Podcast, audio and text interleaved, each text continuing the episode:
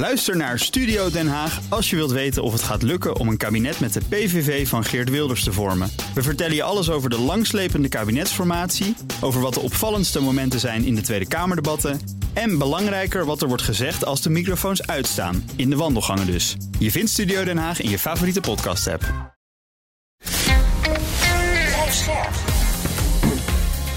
BNR Nieuwsradio.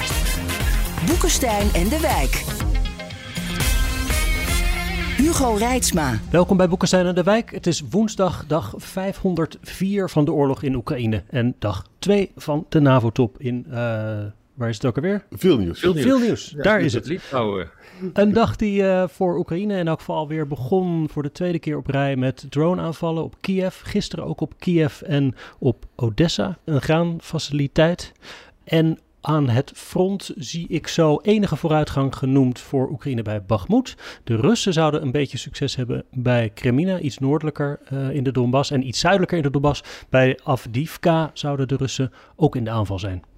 Ja, totaal is het dan nu 280 kilometer uh, veroverd, of heroverd moet je zeggen, door Oekraïne. Dat is overigens meer in vijf weken dan uh, de Russen de afgelopen zes maanden uh, hebben weten te veroveren. maar goed, 280 ehm, vierkante kilometer op de tienduizenden die je moet nog veroveren, is, nou ja, dat, dat relativeert het wel. Wel belangrijk nieuws, bij Bakhmut hebben feitelijk nu de Oekraïners de controle met betrekking tot hun vuurstoon en het uitbrengen van hun, vuurs, van hun vuur uh, over de hele stad. Dus dat kunnen ze nu ongehinderd doen. Dat is echt een groot probleem voor, uh, uh, voor de Russen, omdat ze dus nu op de hoger gelegen deel, delen zitten en ze kunnen dus nu ja. onbeperkt vuren. En dat is, dat is belangrijk, omdat daarmee de Russen eigenlijk compleet worden afgeblokt in dat deel van Oekraïne. Dus je kan een beetje verwachten bij Bakhmut dat ze dus wel wat voortgang gaan maken, hè? de Oekraïners. Dat zou kunnen, maar nou ja, het moet allemaal nog blijken. Ja. Hm. Nou, zullen we maar meteen doorgaan naar de NAVO-top. Die is dus uh, die is inmiddels afgelopen. Ja. Uh, toch nog tot uh, tevredenheid van president Zelensky, die, die gisteren nog wat harde woorden sprak hè, over het uitblijven ja. van een concrete termijn voor Oekraïns lidmaatschap.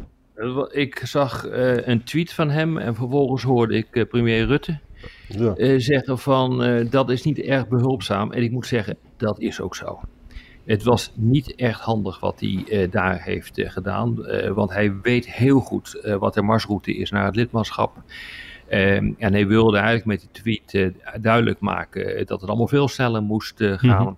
Als je ook, ik heb een beetje zitten kijken hoe naar die live feeds van wat daar gebeurde in uh, Litouwen, ja, dan moet je ook constateren dat heel veel van die Oekraïners gewoon eigenlijk uh, boos zijn dat ze niet onmiddellijk het NAVO-lidmaatschap krijgen. Ook, er was een, een kostelijke discussie tussen een Oekraïense vertegenwoordiger van NGO, een anticorruptie-NGO, op zich niks mis mee. maar die, die mevrouw die riep ook van waarom gebeurt dat niet en wat moet ik dan mijn zoontje gaan vertellen. En, en ga zo maar door. Waarop, en dat vond ik heel goed, um, eigenlijk Sullivan, de veiligheidsadviseur van uh, Biden, zei van hoor eens even mevrouw, um, uh, de president wilde het niet, want als u nu lid wordt, dan is de hele NAVO vanaf morgen in oorlog met Rusland. En dat is iets wat we niet willen. Punt. Ja. Ja. En ook uh, Wallace heeft een, een soort, een beetje losjes gesproken met journalisten. En die zei ook van, nou, ik vind wel dat Zelensky een beetje gratitude, een beetje dankbaarheid mag tonen. Want hm. ik, heb, ik heb geen enkele uh, tank of wat dan ook. Of, of, hij noemde eigenlijk van die, uh, die apparaten die dus deminen, hoe zeg je, ontmijningsapparatuur. Ik heb niks meer in Engeland. Ik heb alles gegeven, zei hij. Ja. Nou ja, er begint irritatie ja. te ontstaan. Ja. Uh, uit, door de, de assertiviteit van de uh, de Oekraïners. Ik merk dat als ik zelf op reis ben en ik uh, kom Oekraïners tegen die uitermate assertief zijn. Ik begrijp dat. Ik begrijp dat natuurlijk. Hun land wordt aangevallen. Mhm. Maar uh, de hoge toon waarmee zaken worden geëist van het Westen alsof dat volledig vanzelfsprekend is, dat is wel vreemd. En je ziet dus nu, zeker na die tweet van, van Zelensky, dat dat, dat, dat tegen Oekraïne begint te, te keren. Ik hm. bedoel, ik hoop niet dat dat grote effecten gaat hebben. Uh, maar het heeft ook wel tot gevolg gehad dat Zelensky probeerde om de zaak weer recht te breien. door allerlei zalvende teksten uit te spreken en zijn dankbaarheid uit te spreken ten aanzien van de NAVO. Ja, Zelensky heeft vandaag echt alleen maar aardige dingen gezegd. En overal zijn dankbaarheid getoond. Dus hm. het vlek, vlekje is wel weggewerkt volgens mij hoor. Ja. Heeft Zelensky dus eigenlijk niks gekregen dat hij nog niet had? Kijk, hij heeft geen, heel veel gekregen. Kijk, hij heeft geen tijdsbepaling, uh, uh, maar wat hij wel heeft, uh, er is echt voor Oekraïne een toekomst. in, zeg maar, een nauwere band met de NAVO is er, is er toch wel. Er is meer uitzicht ook op het NAVO-lidmaatschap. Geen Members and Action Plan. En er komt een NATO-Oekraïne-raad. Die is trouwens al gelijk bijeengekomen. Ja, dat is een verandering van naam van iets dat al bestond, toch? Ja. Nee hoor, nee, dat is niet symbolisch, uh, Hugo. Dat is het niet. Want in die NAVO... Uh, uh, die NAVO-Oekraïne-raad spreekt Oekraïne over tal van onderwerpen als gelijke. En dat is echt wat anders. Daarmee heeft de Oekraïne echt een stem in, in, hm. ja, in, in het kapitel. Het is een beetje vergelijkbaar met wat je bij de, vroeger bij de VPRO had. Toen had je tientjesleden. Dat is dit nu ook. Ja. En verder, jongens, lange termijn eh, financiële en militaire hulp. En niet alleen van de NAVO, maar ook van de G7-leiders. Ja, dat lijkt me, dat is dus meer dan het incidentele nu. Het ad hoc gebeuren van nu is dus nu een lange termijn verplichting. Ja, misschien even goed om uit te leggen, Arend-Jan, wat hier aan de hand is. Kijk, eh, als je het communiqué goed leest, dan geeft de NAVO niet letale steun aan Oekraïne. Dus geen dodelijke steun. Mhm. Dat wordt bilateraal geleverd of dat wordt geleverd uh, uh, door uh, de landen en ze kunnen hun bonnetjes daarvoor inleveren, niet bij de NAVO, maar bij de EU. Maar in Brussel bij de Europese Unie. Dus de NAVO geeft niet letale steun. Die letale steun, en dat staat ook in, het, uh, in de verklaring van de G7 plus de Europese Unie. Dat houdt in dat zij ervoor ehm, zullen zorgen dat voldoende wapens ook in de richting van ehm, Oekraïne gaan. Dus die letale steun, steun die wordt geleverd door de G7 en uh, inclusief de Europese Unie. Dat is echt belangrijk om dat eventjes uh, um, in het achterhoofd te houden. Want de Europese, um, sorry, de NAVO moet niet in de ogen van velen, met name uh, mensen als Macron en, en Scholz, in oorlog komen met Rusland. En je ziet dus dat de EU met die Peace Facility toch heel belangrijk is. Hè? En veel ja. belangrijker dan ooit. Hè? Ja, en, en de, dus de, de dodelijke steun, dus dat wapensystemen ja, daar speelt uh, de Europese Unie een sleutelrol in en niet de NAVO. En je ziet nu ook wat er allemaal in het, uh, uh, in het memorandum staat van eh, de G7, inclusief de Europese Unie. Dat gaat ver hoor. Dat uh, gaat ook over het delen van, uh, van inlichtingen, ja. het organiseren van training. het op poten zetten van de industriële basis van Oekraïne, de defensie-industriële basis. Uh, maar ook uh, het versterken van de economische uh, kracht van, ehm, van Oekraïne. Mm. Nou, ga zo maar door. Dus het is tamelijk indrukwekkend dat er gaat gebeuren. Maar dat gebeurt toch ook allemaal? Of is dan nu gezegd dat blijven we doen? Dat dat de belofte is? Ja, dat gebeurt nu, maar nu is er gewoon een bindend raamwerk voor al die activiteiten. En je ziet nu dat de G7 daar dus een, het voortouw in nemen. En dus indirect zit Nederland daar ook in, omdat het lid is van de Europese Unie. die dus ehm, feitelijk is aangehaakt bij die G7. Ja. Het gevolg is, je krijgt dus een, een, de Oekraïnse krijgsmacht is al groot, maar die wordt dan dus nog groter. Volstrekt interoperabel. Mensen zeggen wel eens grappenderwijs, het is gewoon de grootste krijgsmacht uh, binnen de NAVO. Het is nog geen NAVO-lid, maar het is een formidabele krijgsmacht. Mm Nou ja, Turkije is groter en uh, volgens mij de Amerikanen zijn uh, natuurlijk echt veel groter. Maar ja. inderdaad, het is een hele grote, hele grote krijgsmacht. Maar het allerbelangrijkste is dat het een krijgsmacht is uh, die als enige gevechtservaring heeft. Ja. En, en dat is echt cruciaal. En dat is een enorme toevoeging voor de NAVO als dat land lid wordt. Maar tegelijkertijd is het natuurlijk ook iets uh, ja, uh, die de Oekraïners kunnen inzetten om heel veel invloed binnen de NAVO te krijgen. Ja, zeker. hey, we moeten het nog even hebben over de draai, eh, om niet te zeggen pirouette van meneer Erdogan. Hè? Want dat is dan nieuws van gisteren, maar Zweden mag er toch bij. Nou ja, dat maakt deze top toch, vind je niet? Vinden jullie niet? Uh, historisch. Toch wel historisch, toch? Ja, ja. En Erdogan heeft dus ingezien dat hij, uh, hij wil heel graag die F-16's hebben van Amerika. Ja. En het is nog niet helemaal duidelijk of hij die gaat krijgen, want er is in het congres best veel weerstand tegen. Want ja, Erdogan gaat ook op een hele grappige manier met journalisten om. Hè? er liggen nog heel wat dingen. Maar het is duidelijk dat die. Er zijn allemaal intelligente stukken in de internationale kranten over.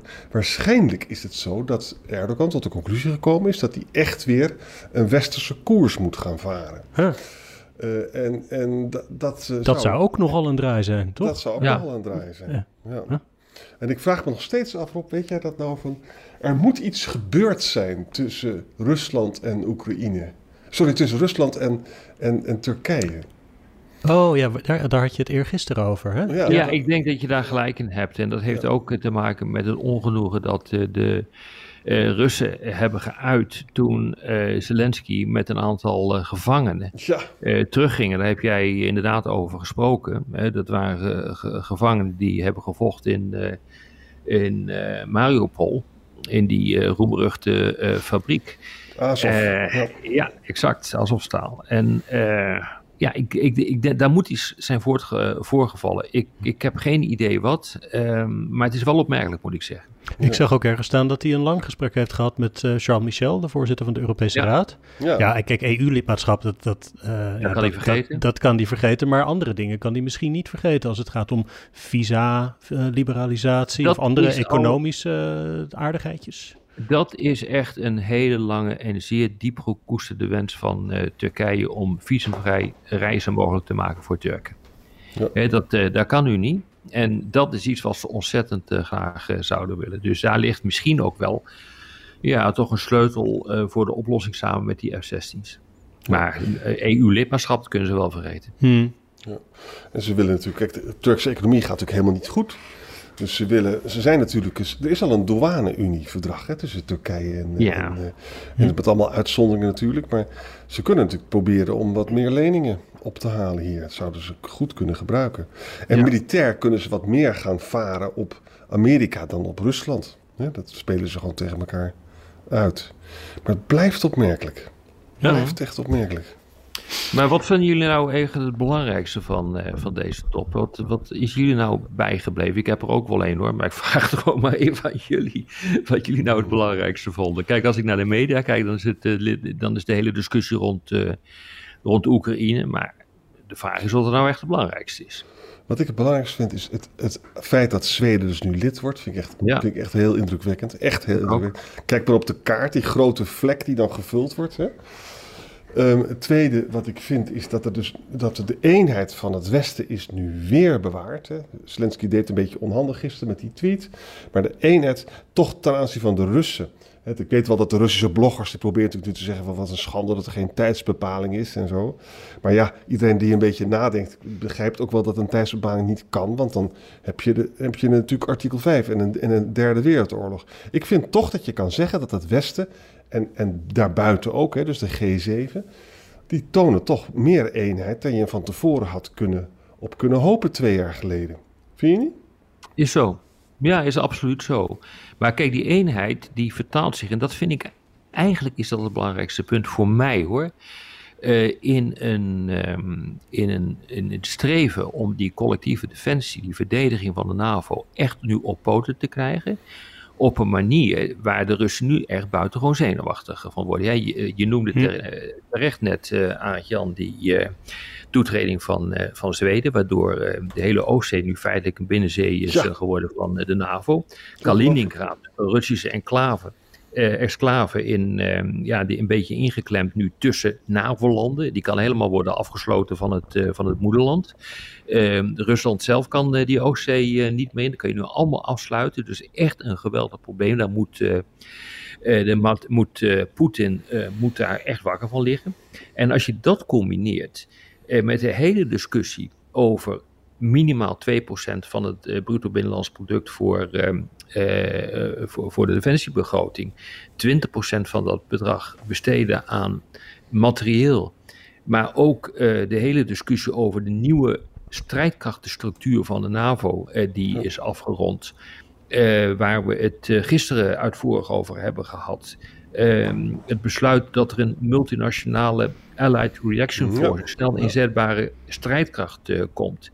De versterking van ehm, de oostelijke flank, die een nieuwe wending krijgt. De discussies over kernwapens, raketverdediging. Nou, ga zo maar door. Hmm het is wel wat dat betreft echt een historische top eh, geworden hoor. Met name omdat de NAVO zijn oude taak, collectieve defensie, weer helemaal terug heeft eh, gekregen. Hey, maar even, misschien een domme vraag hoor, maar waarom zou Poetin eigenlijk wakker liggen van verdediging van de NAVO? Denkt hij dan dat wij hem daarmee gaan aanvallen? Dat we oprukken naar Sint-Petersburg? Of ja, wat maakt het anders uit? Ja, dat denkt hij. Dat denken wij niet, want dat kunnen we helemaal niet. maar dat denkt hij toch ook niet? Nee, maar het is, wel, het is wel onderdeel van het narratief. Kijk, hij uh, wilde niet dat uh, de NAVO op, uh, opschoof naar het oosten. Daarom hmm. heeft hij in december 2021, moet altijd even, het gaat zo snel de tijd, uh, een tweetal uh, documenten uh, verstuurd. Eén naar de NAVO, één naar de Amerikanen, waarin die zegt van hou op met die uitbreiding. Die uitbreiding moet gedeeltelijk ongedaan worden gemaakt door het terugtrekken van de Amerikaanse troepen en ook vreemde troepen uit de landen die vroeger onderdeel waren van het Warschau-pact, lees bijvoorbeeld hmm. Polen. dus nee, hij, hij vindt dat hij vindt dat zeer ergelijk. En volgens mij zijn ze in Rusland te geloven, gaan geloven in hun eigen sprookjes. Hm. Want de NAVO kan niet eens aanvallen. Maar dit is dus iets, als je dus als Poetin continu uh, begint te roepen dat die uitbreiding van de NAVO een groot gevaar is, dat dat gestopt moet worden. Hm. En je begint een oorlog, mede omdat je dat wil voorkomen, en het gebeurt toch, nou dan heb je echt een probleem hoor. Dan heb je ook echt wat intern uit te leggen. Dat is een vernedering, een nederlaag van je welstand. Je ziet nu ook wat Lavrov uh, vandaag heeft uh, gezegd. De infrastructuur van de NAVO die wordt nu uitgebreid in de richting van de Russische grens. Dat is ook zo en daar moet een hm. reactie op komen.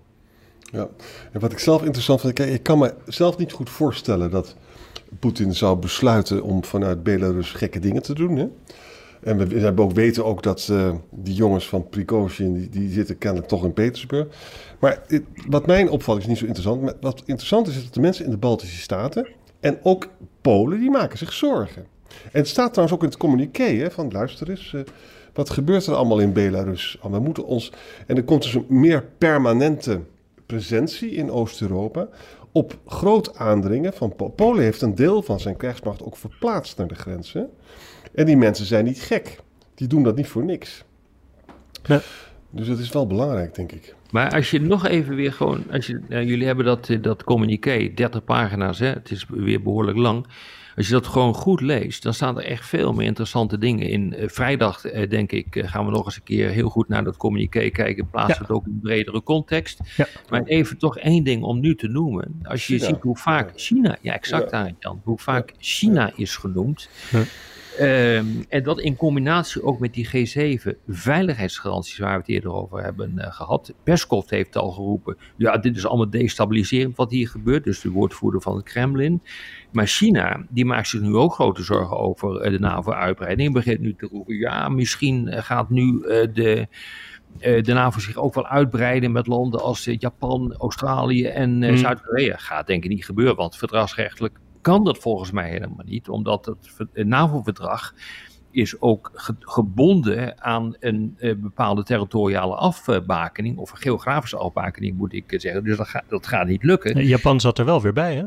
Maar Jap ja, zeker. En dat heeft te maken met die G7. Dus uh, Japan, Zuid-Korea, Australië, die zaten er nu uh, bij. Dat is echt wel heel bijzonder hoor, wat er nu op dit ogenblik gebeurt.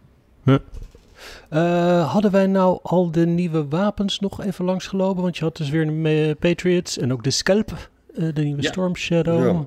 Ja, de Scalp die schijnt dus hetzelfde te zijn als de Storm Shadow. Dus, dus Frankrijk wil dat doen, hè? Dat kunnen ze natuurlijk niet uitspreken. Storm Shadow.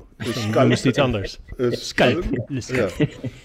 Air to ground, hè? Kan, kan verder dan 250 kilometer.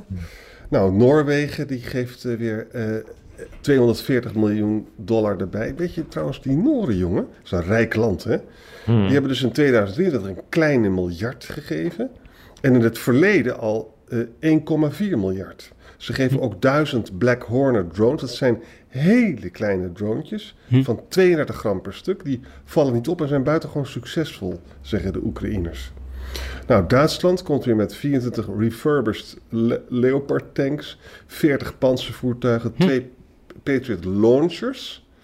En ook 700 miljoen euro. Duitsland is nog even het belangrijke, is dus de tweede donor na de VS.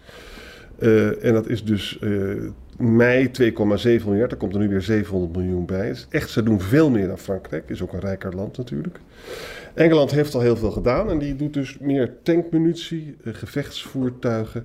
En ook een rehabilitatiecenter voor gewonden en invalide militairen. Trouwens, in mijn, in mijn woonplaats lopen dus ook Oekraïners rond. Omdat daar die, er is een revalidatiecentrum in Doorn. Hè? Oh, ja, ja.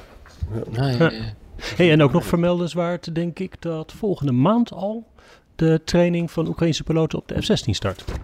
Ja, in augustus. Ja. Ja, de memorandum is uh, getekend door elf landen voor de training van piloten. Dus dat wil nog niet zeggen. Dus de Amerikanen zijn hiermee akkoord gegaan, maar de, hm. Amerikanen zijn nog niet akkoord gegaan met het overdragen van die F-16 aan Oekraïne. Hm. Dus voordat dit nou een keer rond is, ben je echt uh, gewoon een, een, stuk in het volgend jaar hoor. Hm. Ja. Dat denk ik ook, ja. ja. En, en dan nog is het zo dat je... Het is zo moeilijk om zo'n F-16 te vliegen.